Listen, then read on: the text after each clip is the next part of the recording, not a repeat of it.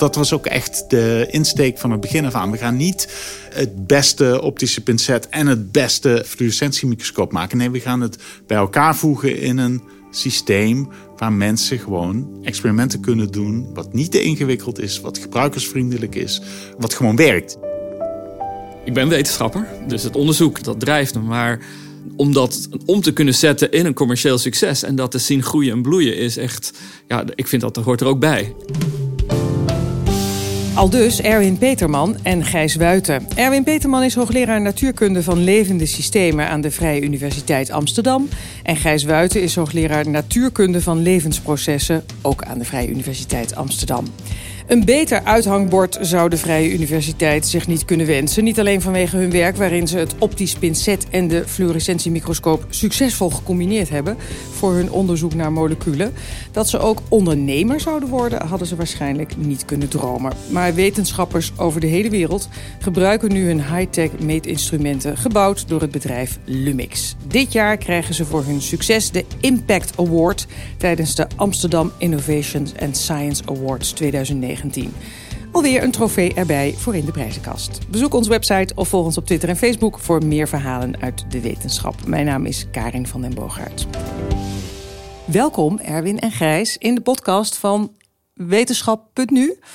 Uh, fijn dat jullie tijd hadden, want uh, het is een beetje druk allemaal. En nu weer een prijs erbij, Erwin. Dan moet je weer op gaan halen. Hè? Dat kost weer tijd.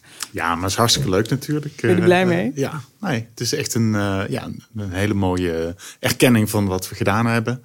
En nou, het wordt ook weer voor het voetlicht gebracht. Ja, toch iets wat ik heel belangrijk altijd om te vertellen vind... is vanuit onze interesse in puur fundamentele wetenschap hebben wij op een gegeven moment die stap gezet van misschien willen andere mensen ook gebruik maken van wat wij gemaakt hebben. En daar is dat bedrijf uit voortgekomen. En is dat een stap, maar daar gaan we het later waarschijnlijk ook nog wel even over hebben. Is dat een stap uh, die je vindt die meer van jouw collega's zouden kunnen zetten? Uh, nou ja, ik zeg niet dat ze het moeten doen, maar ik denk dat het heel goed zou zijn als iedereen wel uh, ja, er open voor is. Dat als er een mogelijkheid is, dat je dat gewoon doet. Want wat levert het op? Wat het voor mij oplevert is, ik denk het allerbelangrijkste is dat we een nieuw kanaal aangeboord hebben waarop we onze wetenschappelijke kennis, de kennis die wij in de afgelopen 15, 20 jaar samen vergaard hebben, dat we die op een nieuwe manier uh, kunnen verspreiden. En wat er dus nou gebeurd is, is dat wij apparaten gebouwd hebben waar, waarmee we zelf hele mooie experimenten gedaan hebben. Daar hebben we over gepubliceerd, et cetera, et cetera. Maar nou is het zo dat uh, die apparaten, kunnen andere mensen nou kopen. En er zijn nou, ik denk dat er ongeveer 40 of zo uh, in de wereld staan. 40 toponderzoeksgroepen, bijna allemaal toponderzoeksgroepen, die daar nou hun eigen ding mee aan het doen zijn. Het is echt een soort sneeuwbaleffect nou wat je krijgt. Wij hebben die apparaten gemaakt, we hebben er leuke dingen mee gedaan. Nou zijn er veertig andere labs die ook allemaal leuke dingen gaan doen. Dus echt uh, ja, het is echt een super versterking van, uh, uh, van ja, onze wetenschappelijke kennis wat wij gedaan hebben. Het is ook een beetje waarom ik überhaupt in de wetenschap ben gegaan. Je, je doet het niet alleen voor jezelf, maar eigenlijk ook om echt iets hè, toe te voegen aan de, aan de wereld in zekere zin. En als je dan een, via een bedrijf natuurlijk zoveel apparaten verkoopt, dan ja, een soort vermenigvuldigingsfactor van de impact die je kunt maken. En het daagt ons uit natuurlijk weer creatief te zijn en nieuwe dingen te bedenken. Hoe lang zijn jullie al een zitje? nou, het was de zomer van 2000. Uh, zijn we alle twee uit Californië teruggekomen. Uh, hij vanuit Berkeley, ik vanuit Stanford. Ja, we zijn tegelijkertijd begonnen. Ja, uh, Gijs vooral bezig om met die optische, zijn eigen optische pincetten tak op te zetten. Ik vooral met fluorescentiemicroscopie. Ja, en, na verloop van tijd, uh, toen we onze eigen dingen zeg maar een beetje op gang hadden, na een jaar of twee, anderhalf, weet ik veel wat, toen kwam er echt dat idee van, hé, hey, wij moeten die technologieën bij elkaar gaan brengen. En dat gaat echt een hele hoop extra dingen opleveren. En dat zou ook tamelijk unieke experimenten mogelijk maken. Nou, het was ook heel specifiek in, het was volgens mij 2004. We hadden toen samen een uh, onderzoeksaanvraag geschreven. Dat was echt een, het startpunt waar we dachten, hey, volgens mij kunnen we dit in een onderzoeksaanvraag bundelen. Die uh, hebben we ook toegewezen gekregen. En toen hadden we ook gemeenschappelijke promovendus. En met die promovendus hebben we eigenlijk het eerste apparaat ontwikkeld. En dat eigenlijk was een soort start en ook herkenning van hoe prettig het was om samen te werken en hoe sterk eigenlijk uh, de combinatie van de technologieën was die wij konden inbrengen samen. En word je dan ook een soort bevriend samen of gaat dat niet zo ver? Zijn jullie gewoon goede collega's? Oeh, een ingewikkelde vraag. Nou ja, nee, maar ik bedoel, kijk, wij zijn meer dan gewoon goede collega's, omdat we, tenminste als ik voor mezelf praat, maar ik denk niet dat het anders is voor Gijs. Uh, ja, wij zijn eigenlijk min of meer parallel door, de, door onze carrière aan het, uh, aan het wandelen. Dus er zijn ook heel veel momenten dat je ook eens met elkaar gaat praten van, hey, dit, hoe heb jij dat toen aangepakt? Uh, of uh, hey Gijs, misschien zou je hier eens naar moeten kijken. Of hey Erwin, dit en dat, zo en zo. Dus je hebt gewoon echt heel veel aan elkaar te danken gehad. En dat is, dat is in onze wetenschappelijke carrière, maar dat is ook uh, met die oprichting van het bedrijf. Ik denk niet dat ik dat in mijn eentje gedaan zou nee. hebben. En als je dan kijkt naar jullie samenwerking op uh, het vlak van jullie onderzoek, hè, wat heeft Erwin wat jij mist? Waar, waar vult hij jou in aan? Vind je zelf? Erwin die is zeker qua technische kennis uh, meer gedreven en, en heeft meer het vingerspitsengevoel om, zeg maar, ja, om, om dingen zeg maar, werkend te krijgen. Dus uh, nou, nu is het denk ik niet meer zo, maar in het, in het verleden was Erwin ook nog veel vaker in het lab te vinden dan ik. Dus, uh, en als, als studenten bijvoorbeeld uh, vragen hebben over nou, welk laserpad of welke laser moeten kopen of welk component is nou eigenlijk beter om te gebruiken, dan, dan rennen ze naar Erwin toe. Want als ze bij mij komen, dan Dan krijgen, krijgen ze, meer een algemeen antwoord. Precies. En waarin vult Gijs jou aan, Erwin? Uh, ik denk dat dat twee dingen zijn. Uh, Gijs heeft echt altijd uh, heel goed zicht op het, het, grotere plaatje. Ja, waar willen we naartoe? heel erg doelgericht. en, en hij heeft echt een waanzinnige kwaliteit in het, zeg maar het enthousiasmeren van, van mensen. Van de promovendi, als er altijd even een momentje dat het wat minder gaat, gaan ze even met Gijs praten. Komen beteuterd, gaan ze naar binnen en ze komen met een grote smile uh, uh, naar buiten. Dat gebeurt continu. En dus niet alleen met uh, de promovendi, maar dat is ook met de nature editor of met de funding agency. Die zorgt ook voor de goede stemming, Gijs. Ja, ja. Heel goed. Nou, maar misschien ook wel interessant om te noemen is hoe zowel Erwin en ik ook heel erg bezig zijn met de, de atmosfeer in het lab. Ja. Ik bedoel, dat vinden we allebei heel belangrijk eigenlijk dat, het gewoon, dat er een prettige, positieve uh, stemming is waar mensen echt, echt hun best doen en echt het beste uit zichzelf halen, maar in een hele collegiale sfeer. En, Zonder dat dat meteen uh, met een pin op de neus moet zijn. Ja, nee, helemaal niet. En, nee, precies. Wij, wij uh, verwachten heel veel zelfstandigheid van de mensen en ook gewoon dus een eigen drijfveer. Niet dat wij moeten vertellen van dit en dat en volgende week zus en zo. Nee. Uh, en, en, en, dat werkt eigenlijk gewoon uh, heel goed. Het leek mij aardig dit gesprek te voeren volgens de lijn van het nominatieformulier van de Impact uh, Award. daarop stond: Heeft het onderzoek van de genomineerden een substantiële innovatieve stap voorwaarts gemaakt? Nou, dat lijkt me van wel. Hè? kijk, jullie hebben die prijs uiteindelijk gekregen, dus jullie hebben aan al deze voorwaarden voldaan. Waar zit het, Erwin, zou jij zeggen, het innovatieve? Alleen in het combineren van twee technieken? Ja, maar dat, dat is niet het enige. Het, het, is waar dat voor staat, wat dat mogelijk maakt.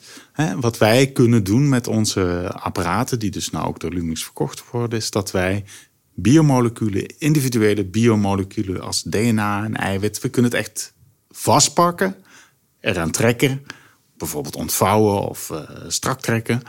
Maar tegelijkertijd kunnen we kijken wat er gebeurt met uh, de fluorescentiemicroscopie. En het is echt die combinatie die het mogelijk maakt, uh, zoals Gijs het altijd zegt, om uh, een filmpje te maken van moleculaire processen als het kopiëren van DNA, als het repareren van DNA, noem, noem maar op. Dat is, en ja, eigenlijk volgens mij kan dat alleen maar op deze manier. Want dat filmpje maken, dat kon nog niet. Het zichtbaar maken. Dat kon nog niet, nee. Dat kan dankzij jouw onderzoek aan die fluorescentiemicroscoop. Ja, maar je kunt het filmpje niet maken zonder ook uh, het molecuul vast te, te houden en uh, uit te rekken. En dat kan weer met dat kan met het, het optisch pincet van ja. Gijs. Ja, je moet het echt letterlijk stilzetten. Want, want DNA is een heel klein bewegend uh, draadje eigenlijk. En, en het beweegt zo snel dat als daar, als daar een proces op plaatsvindt, dan ja, dat wordt helemaal, uh, ja, helemaal weggevaagd door de beweging. Maar met het optisch pincet, dan, dan zit je het echt stil. En dan is het een soort podium waarop eigenlijk het uh, proces plaatsvindt. Dus dan zie je al die eiwitten zeg maar, hun dansje doen op het podium. En ja, dat kan omdat we dat podium stilzetten en klaarmaken ervoor. En dan kan je daar pas onderzoek aan doen natuurlijk. Ja, dan kun je het inderdaad nauwkeurig meten. En dan kun je de, alle spelers kun je bekijken en alle bewegingen daarvan. En dan kun je het inderdaad kwantitatief meten. En het is juist die kwantitatieve metingen die vaak heel belangrijk zijn. Want dan kun je het, ja, dan kun je het eigenlijk pas echt gaan begrijpen. Hoe hebben jullie dit bedacht? Hoe kom je ertoe om dat samen te gaan combineren? Ik, ik kan me nog wel herinneren dat in het veld werd er al wel over gesproken. Zo van, oh, als je dat nou gaat combineren, is dat niet aardig. Maar er, het werd dus ook, ook mijn, mijn uh, uh, promotor destijds, die had het ook wel genoemd als van, ja, dat, dat zou toch een aardige combinatie zijn. Maar het, werd, het was allemaal inderdaad praten, maar niet doen. En het was eigenlijk, uh, want meestal vanuit het optische pincettenveld ja, dat is toch echt een soort ander soort expertise dan het fluorescentieveld. Dus inderdaad, daarom, het werd wel genoemd, maar het werd niet gedaan, omdat het toch eigenlijk niet zo duidelijk was hoe dan. En, en eigenlijk toen, toen wij elkaar tegenkwamen, eigenlijk gewoon hier in Amsterdam, was het duidelijk, oké, van ja, wij hebben die specifieke expertise, dus laten we het ook doen. En ik weet ook echt letterlijk, nou, we vonden het gewoon een spannend idee om te doen. Op een gegeven moment hadden we het apparaat en het werkte. En toen voelden we het echt als een soort, soort uh, in een, in een uh, snoepwinkel stappen het was echt zo'n realisatie. Oh, wacht. Nu kunnen we zoveel verschillende dingen doen. Omdat je dan kan gaan doen wat je altijd al wilde doen, zeg maar. Want het is waar wat jij zegt. Anderen waren er ook mee bezig uh, met die, die vraag oplossen. Hè. Die, die wilden het misschien ook wel proberen. Maar jullie is het gelukt. Ja, maar het is inderdaad wat, wat zegt.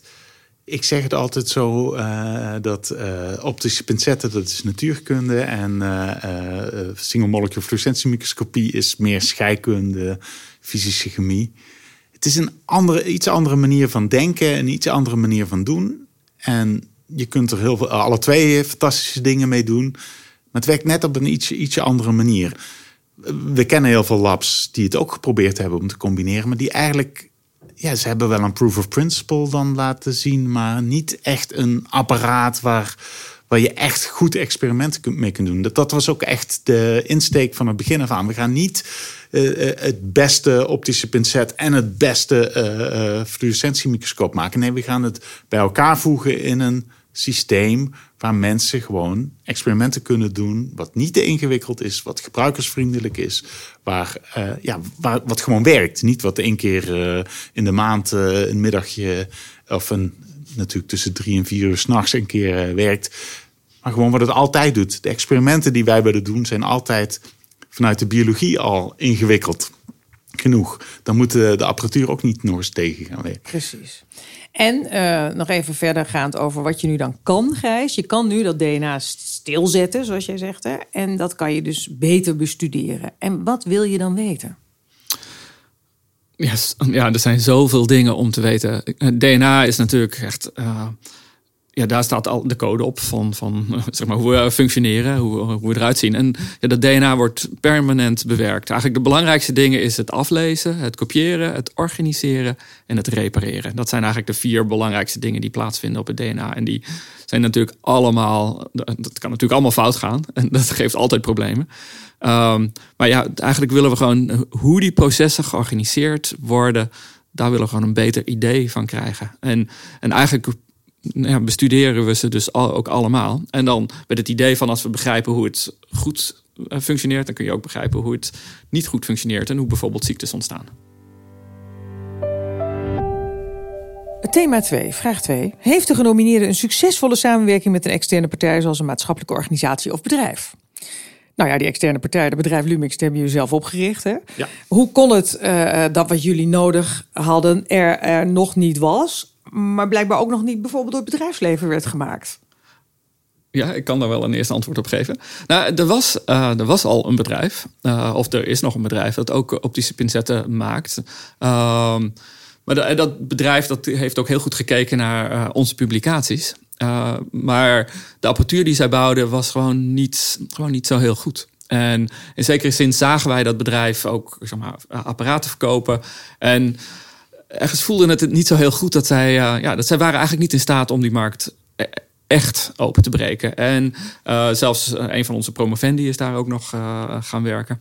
En ja, dus dat werkte niet zo goed. En, maar wij hebben zeg maar 15 jaar lang geïnvesteerd om, het, om dat apparaat echt heel gebruiksvriendelijk te maken. Om ja, dat je als er een nieuwe student in het lab kwam, dat er binnen een paar dagen ook echt nuttige experimenten kon doen. Dus daarmee voelde het ook dat het klaar was om te lanceren naar, naar andere klanten. Je wist dat het kon. Ja. En dat het beter kon. Dat het, zeker dat het beter kon. We hadden wel eens met wat collega's gesproken die zo'n apparaat gekocht hadden en die er niet zo blij mee waren. Maar ik denk ook echt dat de filosofie van het apparaat bouwen uh, totaal anders was. Hè? Uh, het apparaat van de, de concurrent is gewoon een apparaat ja, wat dingen doet en wat je kunt besturen. Maar ons apparaat is altijd ontwikkeld vanuit de idee om een experiment te doen. Uh, uh, niet om een spiegeltje te bewegen of om een lasertje aan en uit te zetten. Nee, om een experiment te doen. En zo, zo, hebben wij het echt van het begin af aan bedacht. en ik, ik ben er heel trots op dat Lumix eigenlijk die hele, dat hele idee ook gewoon doorgezet heeft en overgenomen heeft. En maar Gijs, kun je nog terug naar dat moment dat je zei van nou weet je, we gaan het gewoon zelf doen. Waarom gaan we het niet zelf doen? Ja, dat was dat op zich wel een mooi verhaal. Het was ook een, uh, een, een, beetje gestimuleerd door een uh, promovendus uh, van ons tweeën, Andrea Candelli. Dus hij was, was klaar met zijn promotieonderzoek en ging, ging solliciteren over de hele wereld. en elke keer, hij kon overal aan de slag, maar ze vroegen overal: nou, wil je dan zo'n apparaat bouwen? Zoals je ook in Amsterdam hebt staan. Is dus, dat niet gewoon jatwerk? Nou, dat mag, hè? Ik bedoel, het is gewoon een wetenschappelijke wereld. dus ik bedoel, ja, dat is open gewoon informatie, kennis. Open precies. informatie. Dus, dus, maar, dat had hij dus kunnen doen. Zeker. Maar hij had er niet zo'n zin in. Hij zei van ja, dan wil ik zeg maar, onderzoek gaan doen. Dan wil ik het apparaat gebruiken. Als ik het ga bouwen, dan kunnen we net zo goed een bedrijf starten. zei hij min of meer letterlijk te tegen ons. En, uh, maar hij zei dat eigenlijk op een aardig moment. Want ik had een, uh, een ERC-subsidie, een Europese subsidie. En daar kun je dan, als je een, een, een, een commercieel idee hebt... kun je een zogenaamde top-up subsidie aanvragen. Uh, die je dan relatief makkelijk kunt krijgen. En dat is relatief vrij geld. Um, dus ik zei van ja, nou eigenlijk we kunnen dit, deze, zo'n subsidie aanvragen. Dan hebben we anderhalf ton om zeg maar, in twee jaar te besteden om een bedrijf te starten. Dus Erwin gevraagd, uh, zei van nou, zullen we dit met z'n drietjes gaan doen? en toen hebben we eigenlijk zo'n zo'n proof of concept subsidie aangevraagd en gekregen. En, en toen hadden we eigenlijk geld om hem aan te stellen om het academisch apparaat in een prototype om te zetten, wat dan de basis kon zijn voor een commercieel apparaat. Dus dat, dat was eigenlijk de eerste stap. En, en, we gingen toen ook naar de, de IXA, de Tech Transfer Office van de, van de universiteit. En zeiden, nou, we zouden graag een bedrijf willen opstarten. En ze zeiden, ja, dat is goed. Maar uh, uh, dan uh, willen wij heel graag dat jullie ook een externe CEO aannemen. Iemand met, een, met echt een entrepreneur ervaring. Was waarschijnlijk een hele goede tip. Ja, echt totaal. Vonden we toen misschien niet, maar... Uh, nou, dat terug, wel mee terugkijkend. Uh, en we hebben een hele goede keuze gemaakt, Olivier Heining. Ik denk dat die echt ook uh, enorm verschil gemaakt heeft om het op poten te zetten. Ja, het is een groot succes hè, geworden. Jij zegt al 90 mensen in dienst. Lumix staat ook in de, in de nominatie, is het voorbeeld van valorisatie. Een bedrijf dat succesvolle commercialisering bereikt op basis van jarenlang wetenschappelijk onderzoek. Wat is voor jullie, maar ja, misschien hoeft de vraag niet eens te stellen, het belangrijkste? Onderzoeksresultaten of die succesvolle commercialisering? Ja, ik denk dat ik dat niet echt kan scheiden. Ik bedoel, ik ben, ik ben wetenschapper. Dus, uh, dus het onderzoek, dat, dat, dat drijft me. Maar om dat om te kunnen zetten in een commercieel succes en dat te zien groeien en bloeien is echt, ja, ik vind dat er hoort er ook bij. Ik bedoel, ik had het misschien niet kunnen dromen dat het zo succesvol zou zijn gegaan. Maar ja, ik, dus ik, dat uit elkaar halen, dat vind ik heel ingewikkeld. Ja, wat, wat, ik, wat ik ook nog een ander heel gaaf aspect uh, vind, is. We hadden het net over Andrea Candelli, maar er zitten in het bedrijf nou, wat is het, een stuk of vijf, zes, zeven mensen die uit ons lab afkomstig zijn. En wat we eigenlijk dus gedaan hebben, is we hebben vanuit onze wetenschap hebben we een bedrijf opgericht. En dat bedrijf is echt een, uh, een plek waar uh, mensen die bij ons gewerkt hebben, waar die uh, verder kunnen gaan in hun carrière. En ik, als ik bij Lumix rondloop en ik zie onze oud-collega's daar rondlopen, dat, dat geeft me echt een enorme hoeveelheid trots. Ook om te zien hoe zij zich weer in verschillende andere richtingen aan het ontwikkelen zijn. Dat vind ik echt heel gaaf. Dat is mooi. Je schept ook nog werkgelegenheid. Precies. Zeker. Ja, ja. Goed bezig. uh, wat kost een apparaat eigenlijk? Als je het uh, hebt over succesvolle commercialisering. Nou, het Je is, hebt verschillende versies.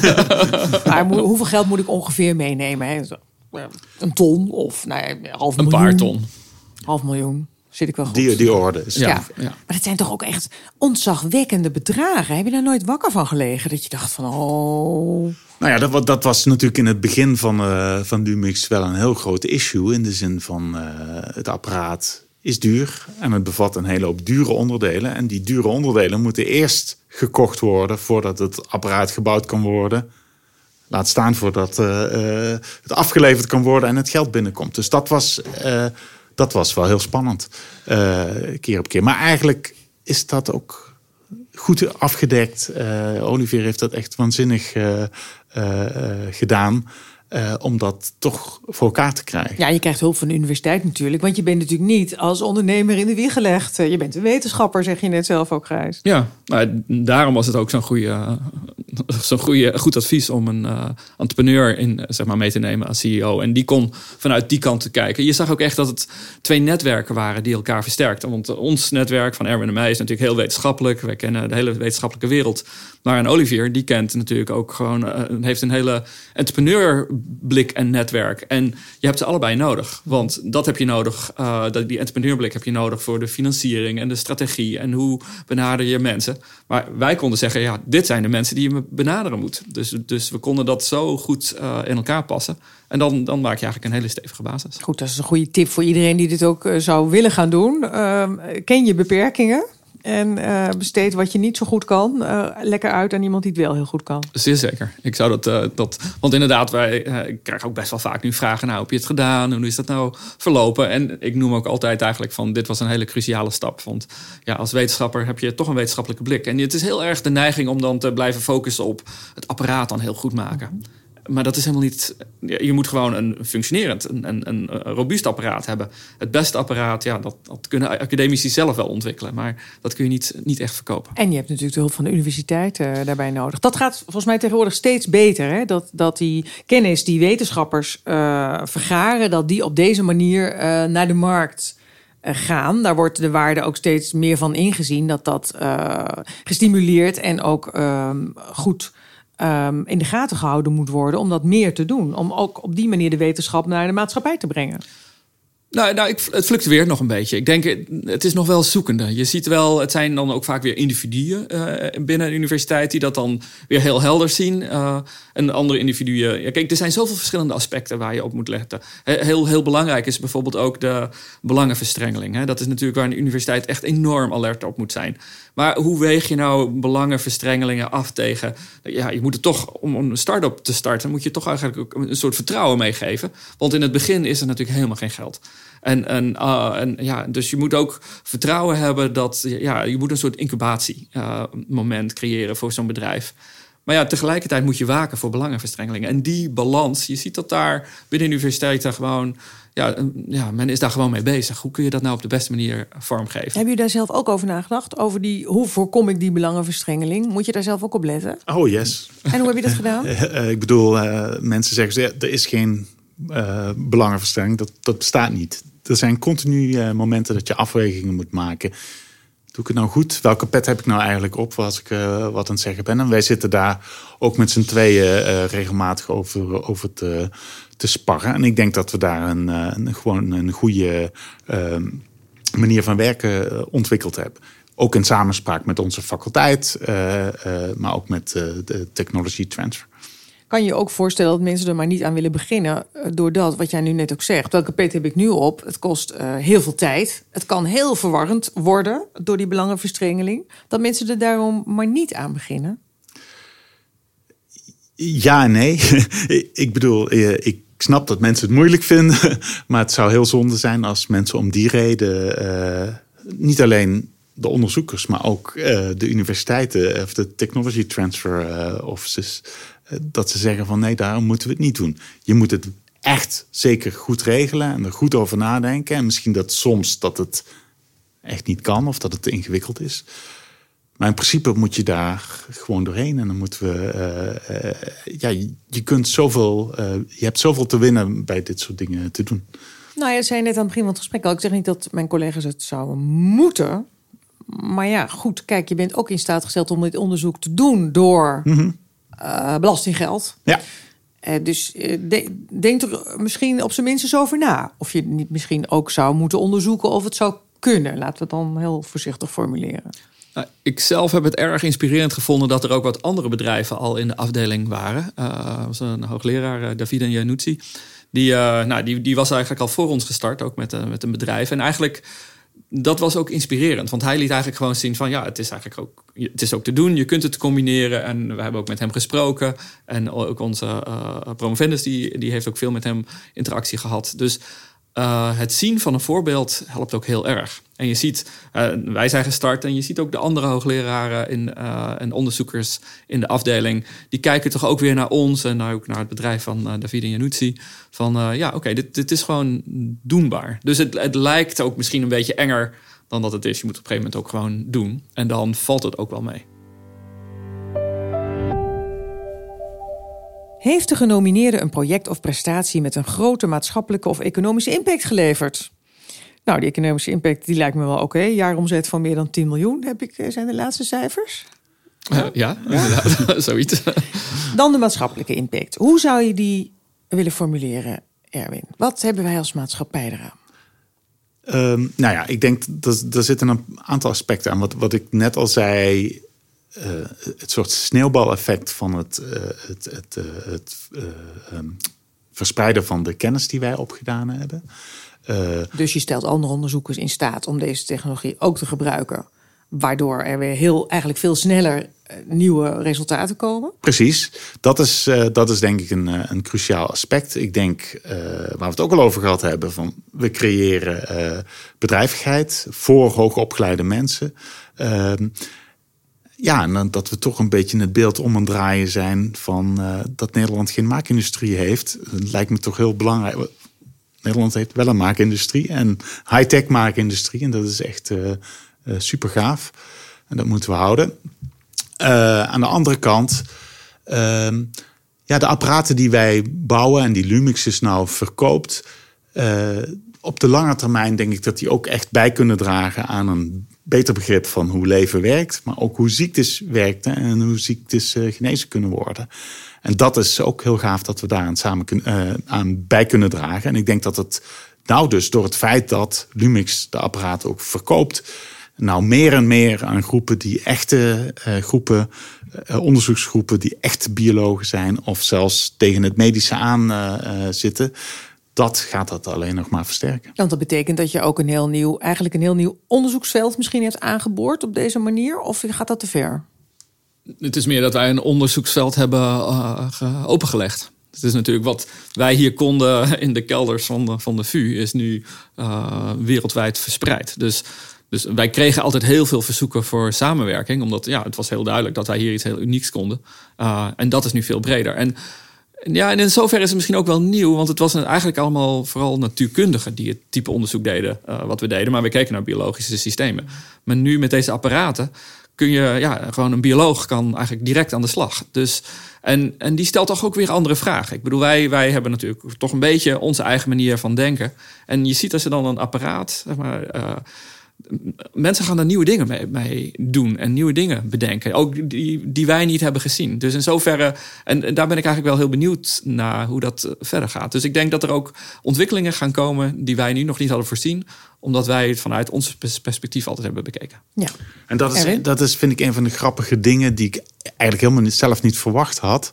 Dat in dat wereldje van de natuurkundige, de single molecule biofysici, uh, hoeveel credit wij gekregen hebben van onze collega-onderzoekers over de hele wereld. Uh, uh, hoe gaaf ze het vinden dat wij uh, Lumix opgericht hebben en dat het succesvol is dat, dat, dat Lumix werkt vanwege dat hele idee van wij hebben hier technologie met z'n allen die veel breder gebruikt zou moeten worden, omdat we dan veel meer problemen op kunnen lossen. Maar tot nu toe was het eigenlijk niet mogelijk, omdat het allemaal zelfbouwapparatuur was. Ja, nou ja, jullie zijn de wegbereiders daarvan. En daar mag je toch heel trots op zijn dat je dat uh, hebt aangedurfd en ook aan gewild. Want ja, zoals gezegd, niet iedereen doet dat. Misschien hadden wel meer daar behoefte aan en dachten van... hé, hey, wat fijn als dat er zou zijn. Maar ze hebben niet die stap gezet.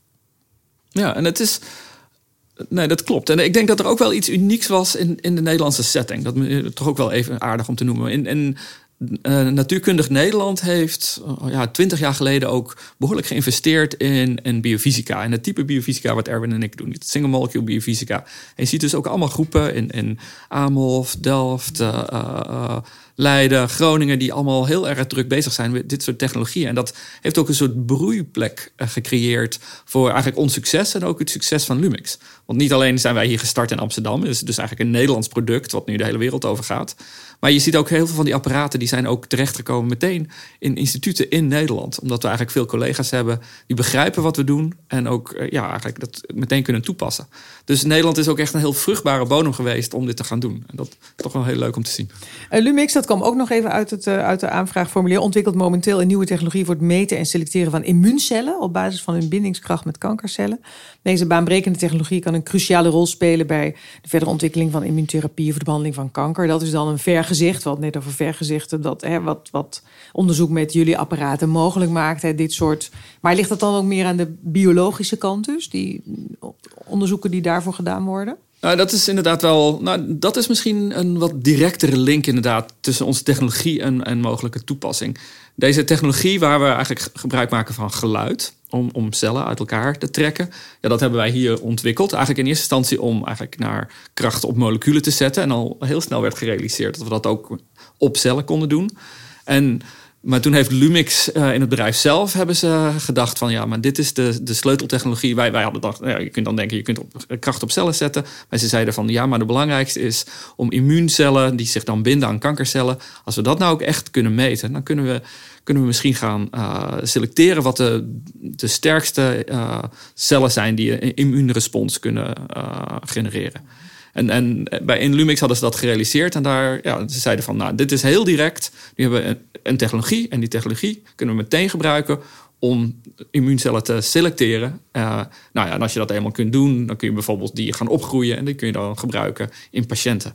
Dus daar is de, de afstand tussen de technologie en de impact mogelijk bij een patiënt helemaal niet zo ver. En, en ja, dat is toch wel weer wat anders dan de optische pincet, wat wat fundamenteler is qua het begrip. Uh, ja, dus dat is, dat is een hele directe link. Ja. Dit is een Life Achievement Award. Je kunt nu stoppen. Ga je natuurlijk niet doen, Gijs. Zeker niet. Uh, droom eens even verder. Hoe verder nu? Oh, oh ja, van allemaal ideeën. Het is, uh, maar misschien zeg maar, het, het valt misschien de, het beste te, samen te vatten in. Ik heb, ik heb al heel lang gekeken naar enkele molecuulinteracties. En waar de uitdaging nu ligt, is eigenlijk complexere dingen. Uh, kijk, de biologen die kijken bijvoorbeeld naar hele cellen. Wij kijken naar enkele moleculen, maar daartussenin zit heel veel. Uh, bijvoorbeeld, hoe is DNA georganiseerd in de celkern? Uh, dat is zo complex. Dat is een heel groot stuk DNA, drie meter lang, met allemaal eiwitten die allemaal structuren vormen. En het is heel moeilijk om daar, ja, om daar eigenlijk meer exacte informatie uit te krijgen. Hoe zijn die structuren nou gebouwd? En dus die vertaalslag te maken van, van enkele moleculen naar complexe moleculaire systemen, daar ligt echt een enorme uitdaging. En ik heb het gevoel dat wij daar ook klaar voor zijn om die uitdaging aan te gaan. En dat komt eigenlijk weer omdat wij ook weer die combinatie van, van manipulatie en visualisatie, die fluorescentie, heb je eigenlijk nodig om naar complexe dingen te kijken. Maar je hebt heel vaak weer die manipulatie nodig, die handjes, die, die lasers die dingen vasthouden om, om het stil te zetten, om het mechanisch zeg maar, uit te dagen, om het groter te maken, om naar te kijken. Dus die, die combinatie blijft een cruciale combinatie. Maar om dat dan te vertalen naar complexere dingen, dat, dat is, daar is een enorme slag te maken. En ja, daar zijn wij in het lab nu heel hard mee bezig. Dat gaan jullie nu doen. Erwin, jij gaat ook vast nog niet op je lauweren rusten. Nee, nee, nee. Uh, precies wat, wat Gijs net uh, vertelde.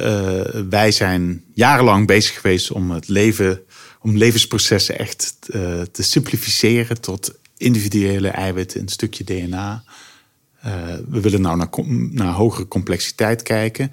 Ik ben bijvoorbeeld bezig met een hele set experimenten aan, aan wormen, C. elegans, kleine wormpjes, waar we in die organismen kunnen kijken hoe individuele moleculen bewegen of bewogen worden.